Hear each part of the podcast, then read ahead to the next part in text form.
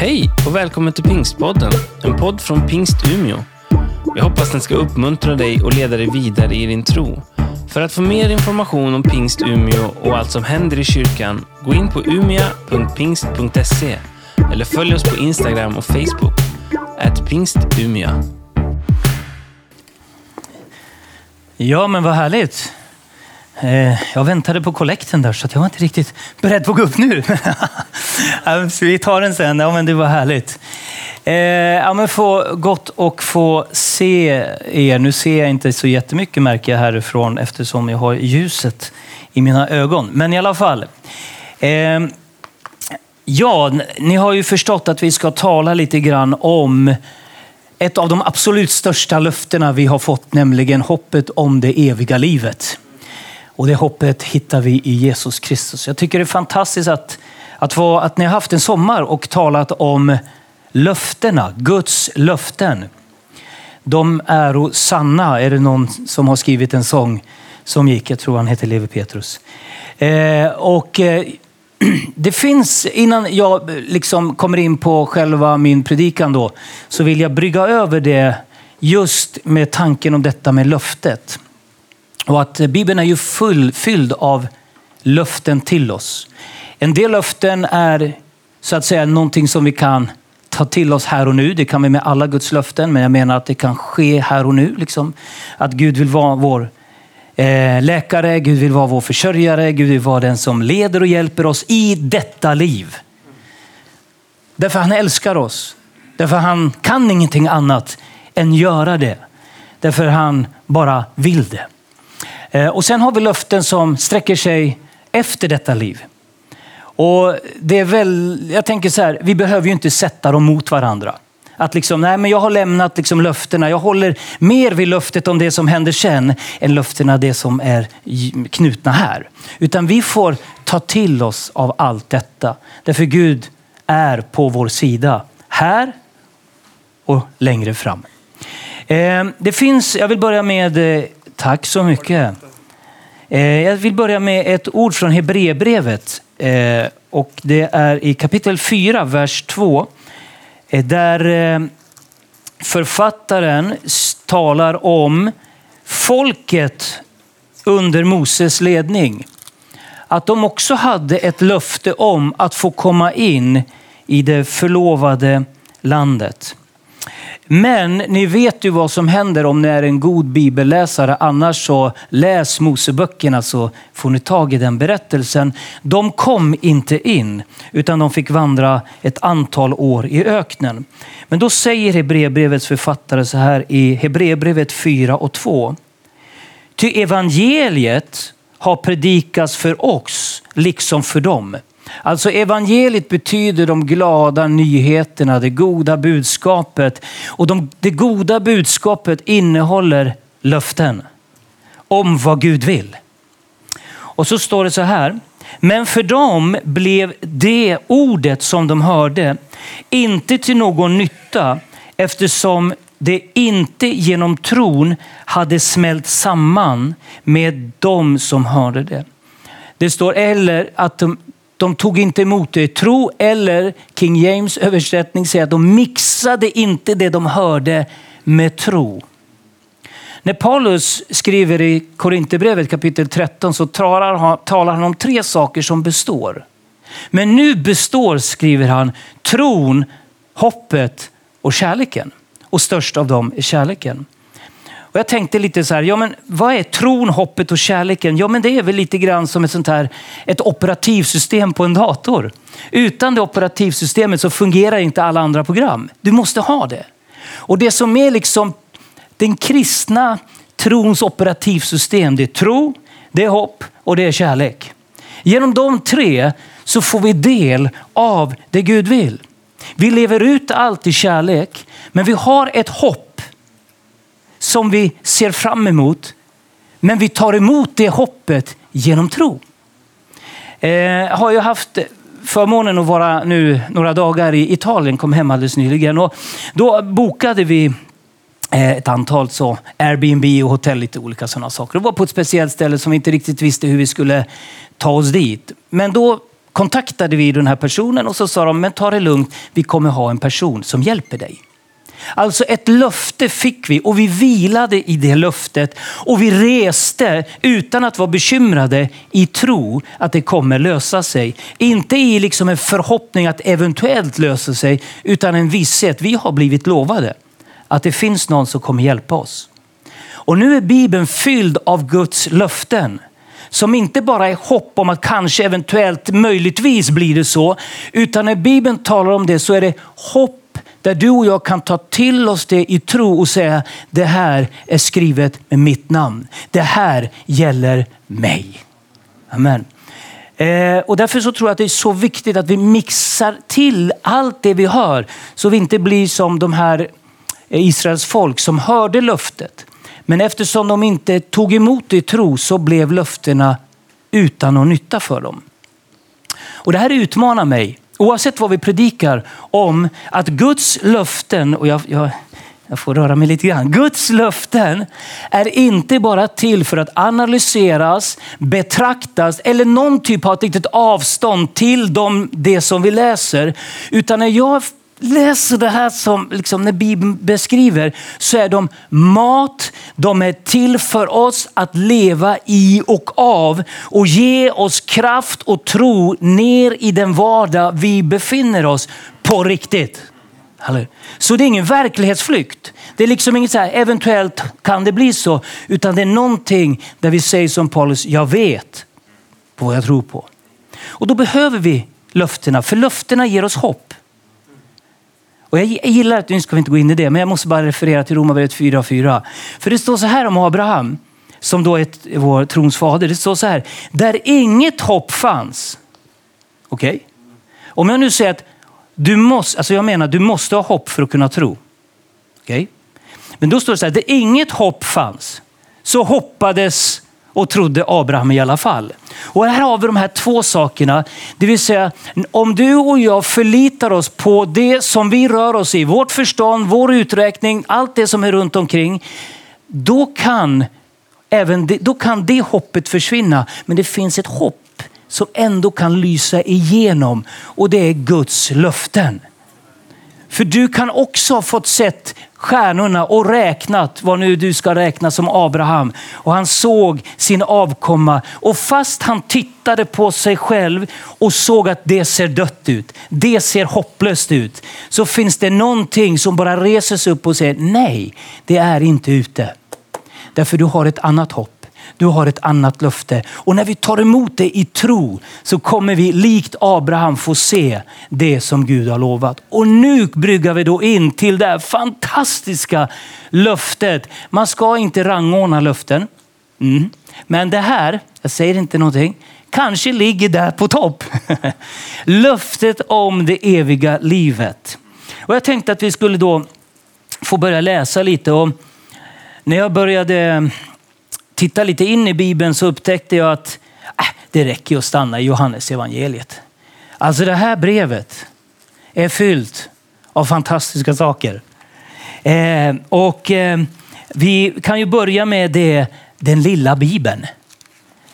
Ja, är det sportevenemang så ser man typ alltid det här versen för liksom, Jo 3 och 16 så vi läser den. Och vi försöker läsa den som att vi aldrig har läst den. Det är lite grann, ni vet den här vattnet kom och det är huset på Hälleberget och det blir som en barnsång när man läser det där och så upptäcker man, nej vänta, vad är det han egentligen säger? Och då står det så här i Johannes 3 och 16. Ty så älskade Gud världen. Här är hans motiv. Guds motiv är att han älskade dig och mig. Att han utgav sin enfödde son här hittar vi lösningen på vår problematik. Han utgav sin enfödde son. För att den som tror på honom, här hittar vi vår lösning för vår problematik. För att var och en som tror på honom inte ska gå förlorad utan ha evigt liv.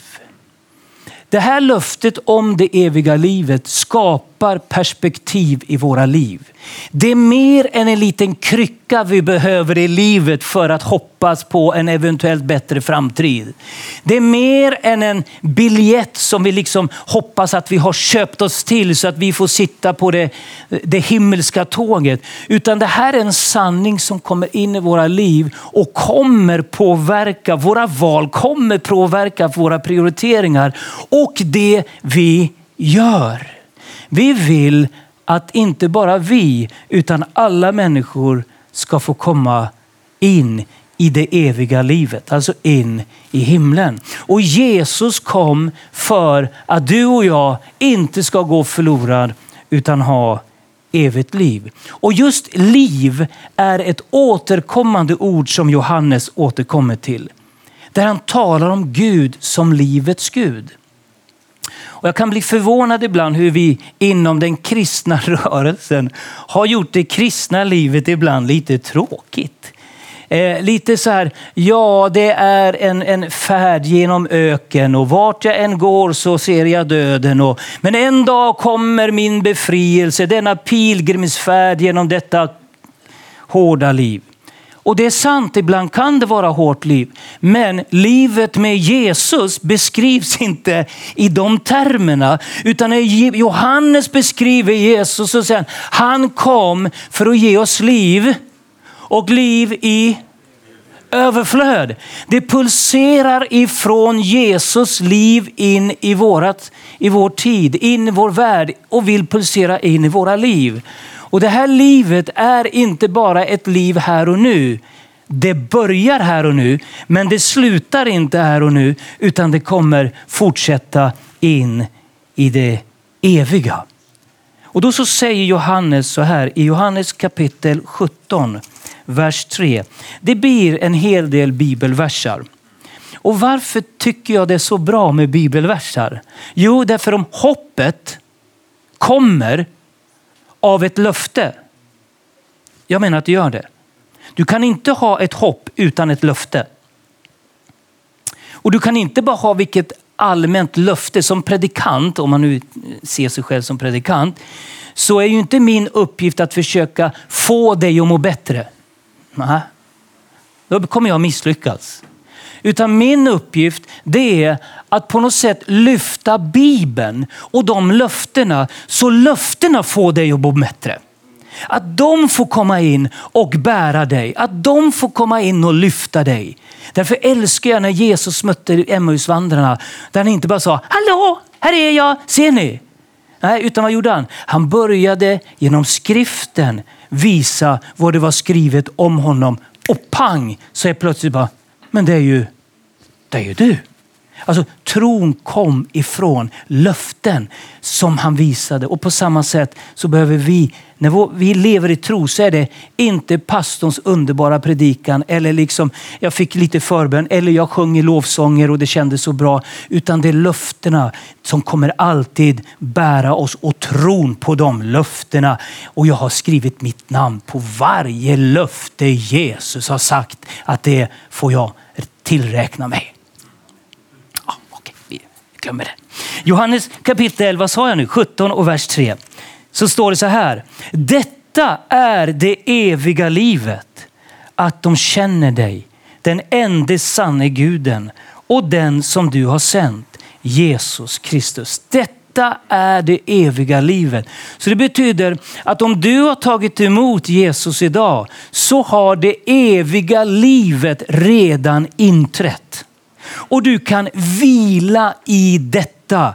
Att mitt liv tar inte slut. Jag hade en, en vän som vi kom och pratade lite grann om det här. Eller han kom till mig och började prata. Och jag minns hur han sa. Han sa så här. Jag, jag är så rädd för det här svarta hålet. Det var så han uttryckte det. Alltså det här, vad händer sen? Blir det bara svart? tar det bara slut? Jag tror att det är många som bär på de här frågorna. Och där kliver Jesus in och säger, nej, det finns inget svart hål i mig. Det finns bara en fantastisk plats, en ljus plats som väntar på dig. Och det eviga livet börjar i Jesus Kristus. Så när första lärjungarna eh, åkte omkring, eller åkte omkring, de gick väl omkring, red omkring. Så sa de, det finns inget annat namn, vare sig på jorden eller någon annanstans, som en människa kan bli frälst. Det är bara genom Jesus Kristus. Och Johannes talar om detta i Detta är det eviga livet, att de känner dig. Och då så säger han så här, Johannes 14, jag tycker också om det här.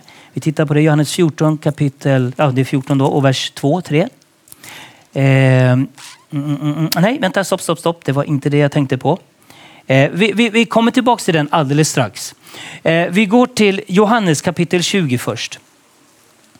Johannes 20. Så talar han om varför har han skrivit brevet? Och jag har ju läst en hel del teologi och jag vet att man är väldigt fascinerad av Johannes början. I begynnelsen var ordet och ordet var hos Gud och så vidare. Eh, och jag, är liksom, jag, jag vill landa i Johannes 20 först. För då skriver han så här, det är så härligt när någon skriver vad är syftet med ett brev?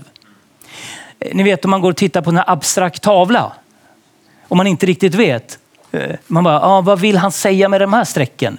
Det är, liksom, det är gröna, och det är blå och det är svarta. Och det är liksom bara så här. Och så börjar man, liksom, ah, men han vill säga det här. Det är kanske ett mörker som möter ljuset. Och, och ni vet, om man bara älskar liksom att, att eh, filosofera och, och fundera. Vad, vad är budskapet? När det gäller Johannes så är han väldigt tydlig. Han skriver så här i Johannes 20 och 31. Många andra tecken eller 30 då, Johannes 20 och 30. Många andra tecken som inte är nedskrivna i denna bok gjorde Jesus i sina lärjungars åsyn. Men dessa har blivit nedskrivna för att ni ska tro att Jesus är Messias, Guds son och för att ni genom tron ska ha liv i hans namn.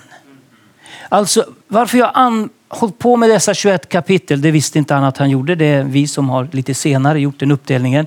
Men när han skrev det här så vill han säga, jag vill att ni ska veta att de här sju tecknen som jag har, när jag pratar om jag är, om Jesus, livets bröd och allt det här, så finns det ett syfte. Jag vill att ni ska tro att Jesus är den han är och genom denna tro få evigt liv. Ibland funderar jag lite grann, om jag får göra det, har sekulariseringen gripit sig in i våran kyrka? Nu tänker inte jag på pingkyrkan specifikt utan kyrkan allmänt.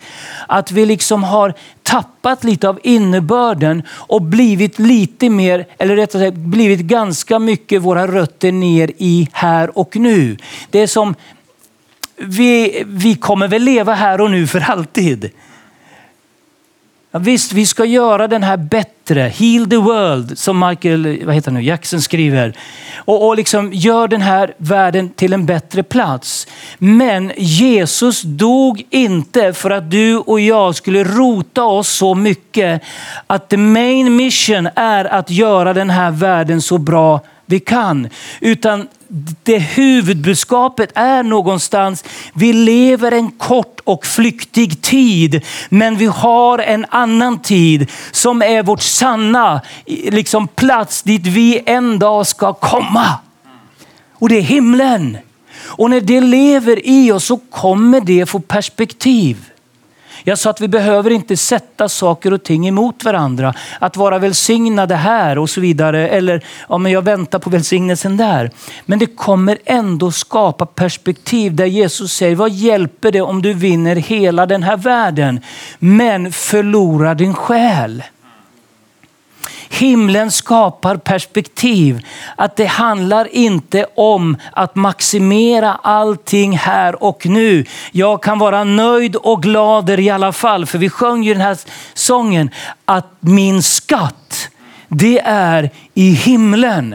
Och jag tror att vi behöver komma in i den här verkligheten så att vi inser att våra rötter kan inte vara så djupt nere i den här världen att det är som att vi aldrig kommer dö. Ja, vi kommer det, allihopa. Men det betyder inte att vi inte kan njuta av den här världen. Nej, nej, gör det för fullt. Låt bara, mm, om du kan det. Men låt dig inte bli ägd av den här världen. Låt dig inte bli ägd av saker och ting, vare sig det är ekonomi, pengar eller resor eller vad det nu är. Men för Guds skull, res och ha saker, inga problem. Men se till att du inte ägs av det, utan det finns någonting annat du ska ägas av som ska få omfamna dig. Det är att oavsett om jag går igenom eld och vatten, om jag går igenom svåra tider så kommer en sak bära mig och det är livet och hoppet och tron om det eviga livet.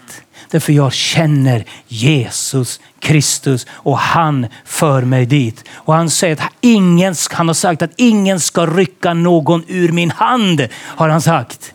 Det betyder ingen ska kunna rycka dig ur hans hand.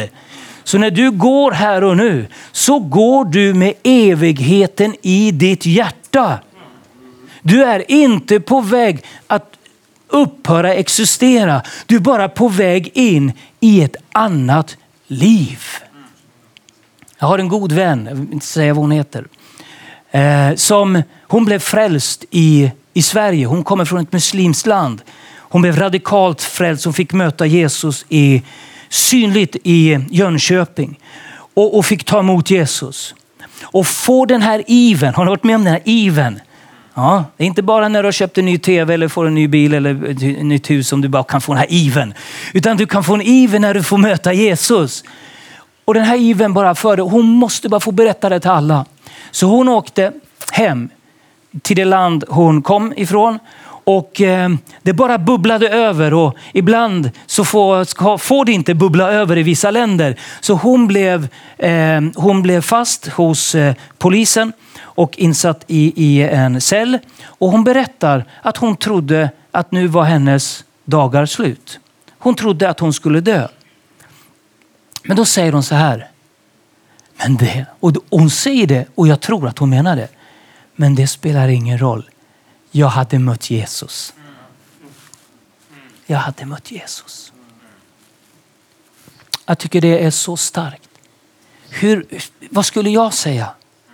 Ibland funderar jag istället, ja men och jag vill leva ett långt liv säger vi. Och jag hör en del predikanter säga, ja jag tror Gud om 80 år eller 100 år. Och, och jag bara, ja, jag vet inte om jag hittar det där i lärjungarna. Jag hittar inte ett enda bibelord där de säger bröder, nu tror vi Gud för 90 år. Jag tycker inte de pratar om långt liv eller kort liv. De pratar på ett helt annat sätt. Därför i jämförelse med evigheten så är 70, 90 eller 40 år ingenting. Det är som om du står, det här är en jättedålig bild, jag vet det, men om du står på månen och tittar på en som är 1,70 lång eller 1,40 lång eller 2 meter lång. Du kommer inte kunna se en skillnad.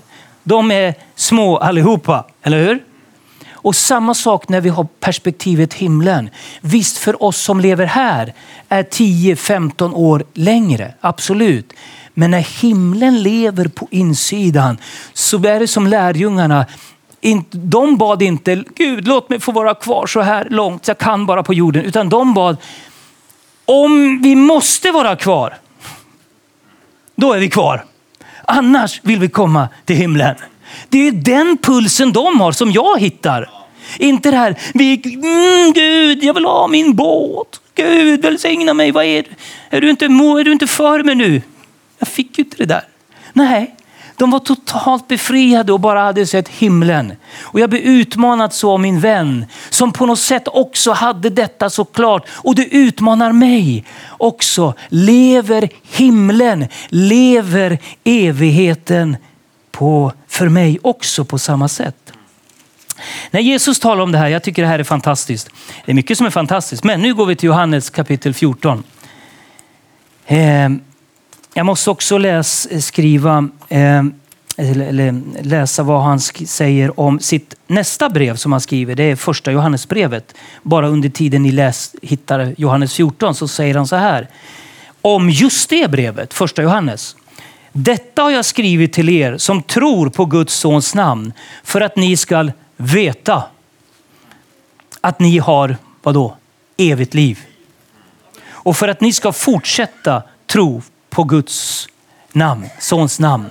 Jag har skrivit Johannes evangeliet. Jag har skrivit första Johannes för att ni ska veta vad då? Att ni har evigt liv. Känner man det ibland en måndag när man vaknar upp? Morgon börjar ta semestern slut. Halleluja! Ja, nu blir det... Du vet. Nej, men vi får vara medvetna om vi bär på det eviga livet. Men i alla fall, Johannes 14, 2. Då står det så här. I min faders hus finns många rum.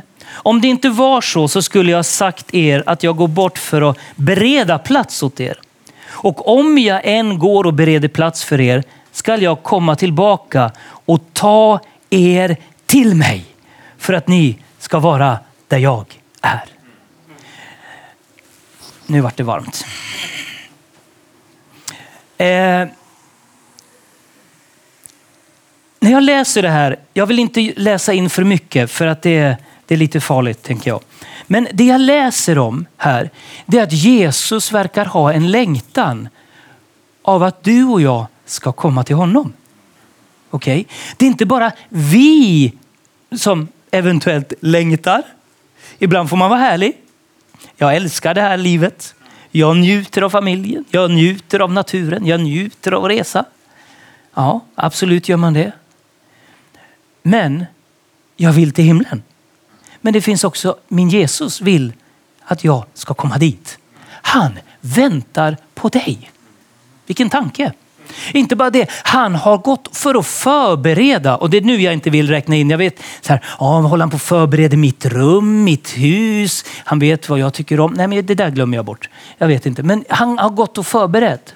Och jag, jag, jag tänker så här, jag, nu får jag prata om min fru lite grann här. Ehm, därför att om vi får gäster som ska sova över så det är en sak som hon bara älskar att göra. Det är att göra det fint och trevligt för dem där de ska sova. Hon vill att det ska kännas som ett så här, lite hotellkänsla av deluxe-kvalitet. Okej, okay. inte där Scandic och så vidare, utan lite, eh, ja, lite mer finare. Lite Grand Hotel-känsla. Sådär.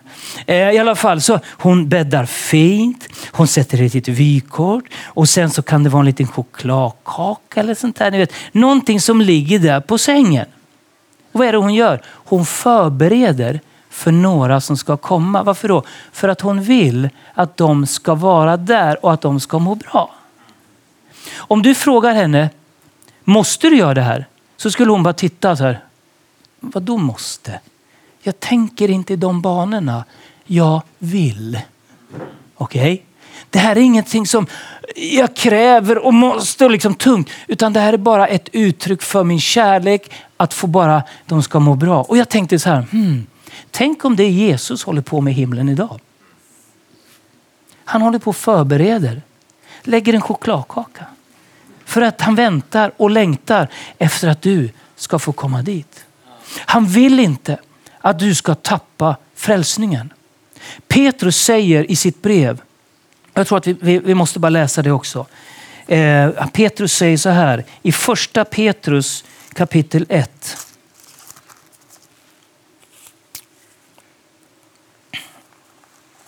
Orkar ni en liten stund till? Bra, då, då kör vi på den. När ingen säger något mer, då slutar jag. Nej. Första Petrus kapitel 1 och vers 9 står, tror jag det Då står det så här. Då vi nu är på väg att vinna målet för vår tro. Vad är målet för din tro? Ja, det handlar inte om att maximera allting här och nu, även om Gud vill välsigna dig. Utan målet för din tro är din själs frälsning.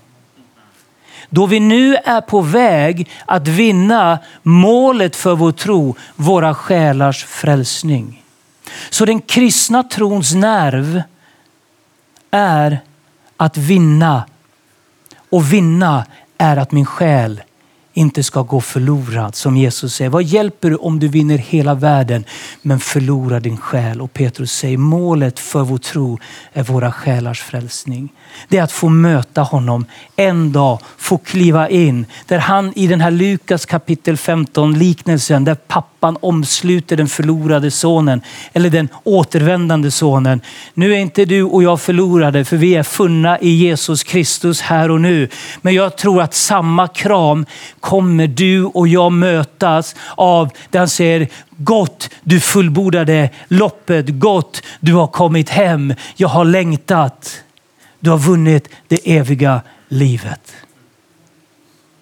Det här skapar perspektiv i våra liv om vi tror på detta. Så vad behövde, vad var priset för att du och jag ska komma dit? För att du och jag ska vinna det eviga livet. Ja, vi är i Petrus så låt oss läsa. Jag ska gå snart ner för landning här. Första Petrus var vi, så vi kan ju bara för att spara lite tid gå till vers 18. Då står det så här. Ni vet att det inte var med förgängliga till, ting, silver och guld, som ni blir friköpta från det meningslösa liv ni är från era fäder. Vilken beskrivning. Ja men så är det ju. Vad finns? Det är liksom Hasse och Tage. Liksom, eh, liksom, vi har en påse, vi försöker fylla det med mening. Och det är allt. Alltså, men det finns en mening som handlar mer än om att vi försöker fylla livet med meningsfulla grejer. Det finns en, en mening med ditt och liv. Gud säger att han har lagt evigheten i människans hjärta. Och då så säger, säger Petrus att det här meningslösa livet som ni fick ärva kostade Jesus allt. Det står så här då, ska vi se, jag slutar läsa. Utan, för fäder, vers 19. Utan med Kristi dyrbara blod, som, som med blodet av lammet utan fel och brister. Alltså, det kostade Jesus hela hans liv för att du och jag skulle få del av det eviga livet. Så genom hans död fick vi hans liv. Och Romarbrevet säger att Guds gåva är evigt liv genom Jesus Kristus. Så han behövde ge sitt dyrbara liv för dig och mig. Visst var vi i Petrus? Vi var där. Vi ska se om jag har nu... Eh, eh jag hade något annat här i Petrus. Ska vi se om jag kan hitta det bara det. Eh, mm, det är kanske i, i... Ska vi se här.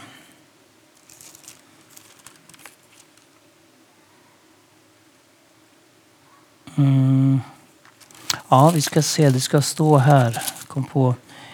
Eh, han talar om att vår dyrbara tro Eh, nu jag hittar jag inte riktigt vad det står, men det står i Petrus att, att ja, andra Petrus kapitel 1, jag var i första, då står det så här. Från Simon Petrus, Jesu Kristi tjänarapostel, till, de, till dem som genom rättfärdigheten får vår Gud och frälsare Jesus Kristus har fått på, vår, på sin lott samma dyrbara tro. Det kostade Jesus allt för att du och jag skulle få evigt liv. Och därför säger Petrus, den här tron är inte på realisation. Den här tron är dyrbar. Och när vi ser i ljuset av vad Jesus fick göra så kommer en fråga till mig i alla fall. Hur mycket får det kosta för mig att hålla fast vid tron? Hur dyrbar är löftet om det eviga livet när vi landar i vår värld, i vår tid med allt det där som vi står i. Allt det där som vi vill. Alla utmaningar, alla frestelser, alla liksom dragningar som den här världen lockar med. Hur dyrbar är den tro och är det liv som Jesus utgöt där han säger jag längtar efter att ni ska komma hem. Hur dyrbar är den för mig? I den vardag jag befinner mig. Tänk att det eviga livet kan skapa ett perspektiv och säga, ja jag vet att jag inte har det. Jag vet att jag inte har fått tag i det. Och jag tänker på mycket, oh, jag måste, kan någon, ja, lovsångare, ni kan komma fram. Jag tänker på eh, de här gospelsångerna som, som föddes, en del som föddes i det här 18, 1800-talets slaveri.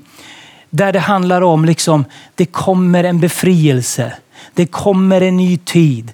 Vi ska få lämna detta jordiska liv. Även om man hade så i livet så fanns en befriande tro.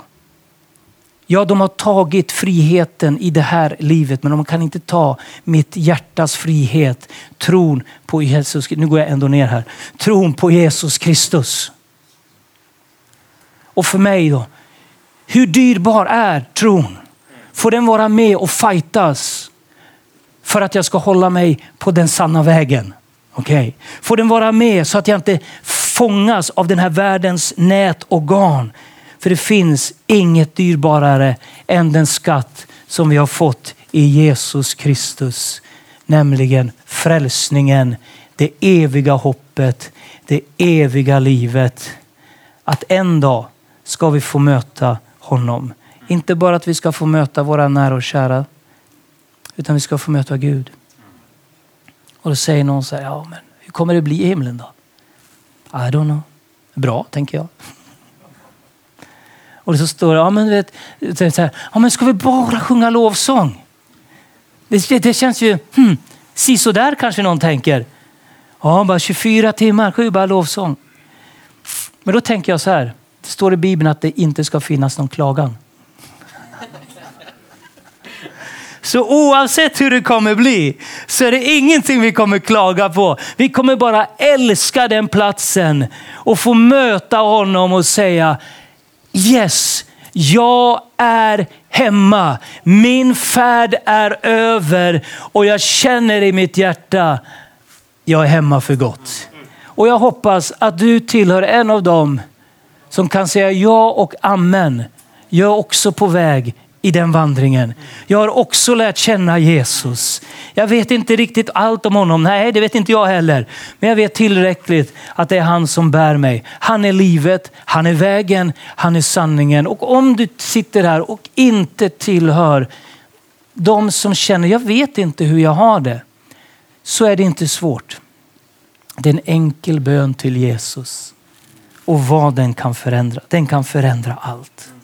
För Jesus säger tro, endast tro. Du har ett hopp. Jag har pratat om det. Hoppet om det eviga livet. Hämtat ifrån Bibeln, Guds löften. Och när du mixar tro med det hoppet, då är du frälst. Amen.